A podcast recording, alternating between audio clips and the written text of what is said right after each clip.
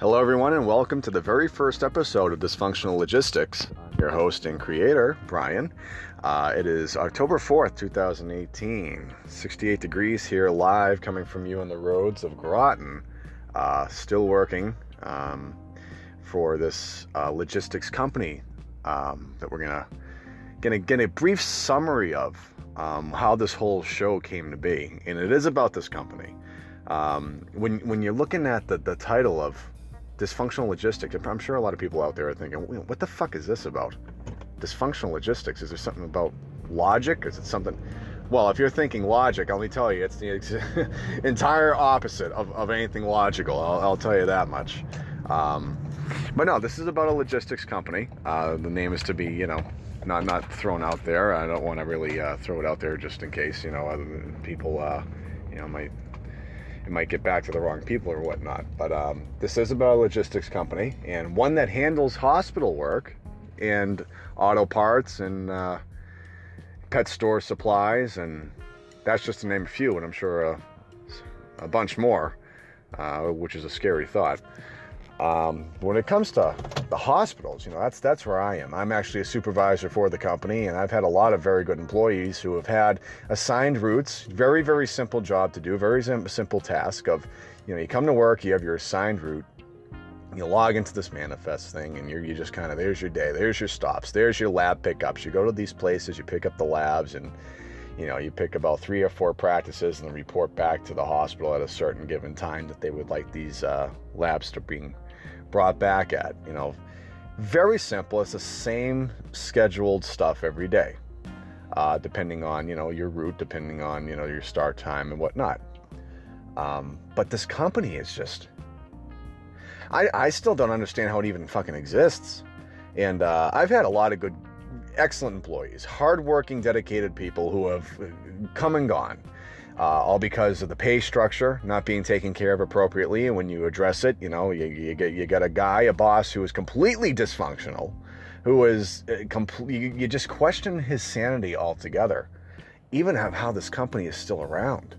You know, there is so much shit that happens on a day to day basis. Ladies and gentlemen, I try to keep up with the stuff as it unfolds. I'm telling you, I have a hard enough time trying to type it out and write it out so I can give you updates uh, every night, if not every other night, um, but my God, for a company with this much shit going on, it spins your head as to how is it still operating? How does it still exist? And how does this company still have contracts with these major hospitals?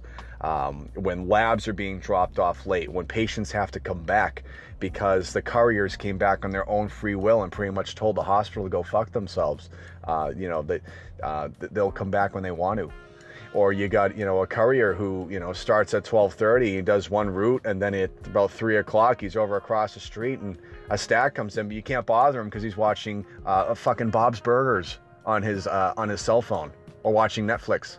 And a stack comes in that has about a two hour window that has to get picked up and brought back to the hospital um, which means it's about a patient that can be very sick and, and, they, and the hospital has to find out what he has to give him the proper medication uh, uh soon immediately and you go to tell him this and you say, no, I'm not doing that.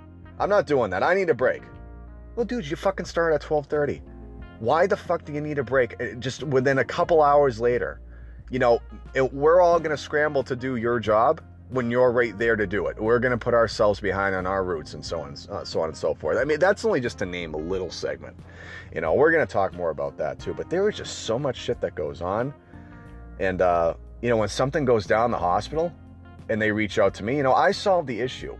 You know, it's sad that I'm the last of the best that, that ever existed in this company and my boss ever had. You know, the all the good guys are gone. I'm still in touch with them, and they're they're going to be guest uh, spoke or uh, speakers on the show as well. So I'm going to have them tuning in and calling in, and we're going to have a good sit down and go over uh, things as they happen in the history of this stuff too. And you know that's that's going to be great. So hang on tight for that one. I'm going to have all the all the really good guys uh, on the show too. Um, but my boss addresses cir- certain circumstances, if not every circumstance or every issue that has to do with the hospital. When they email him to brush him up to speed, just like they brush me up to speed, I solve the issue.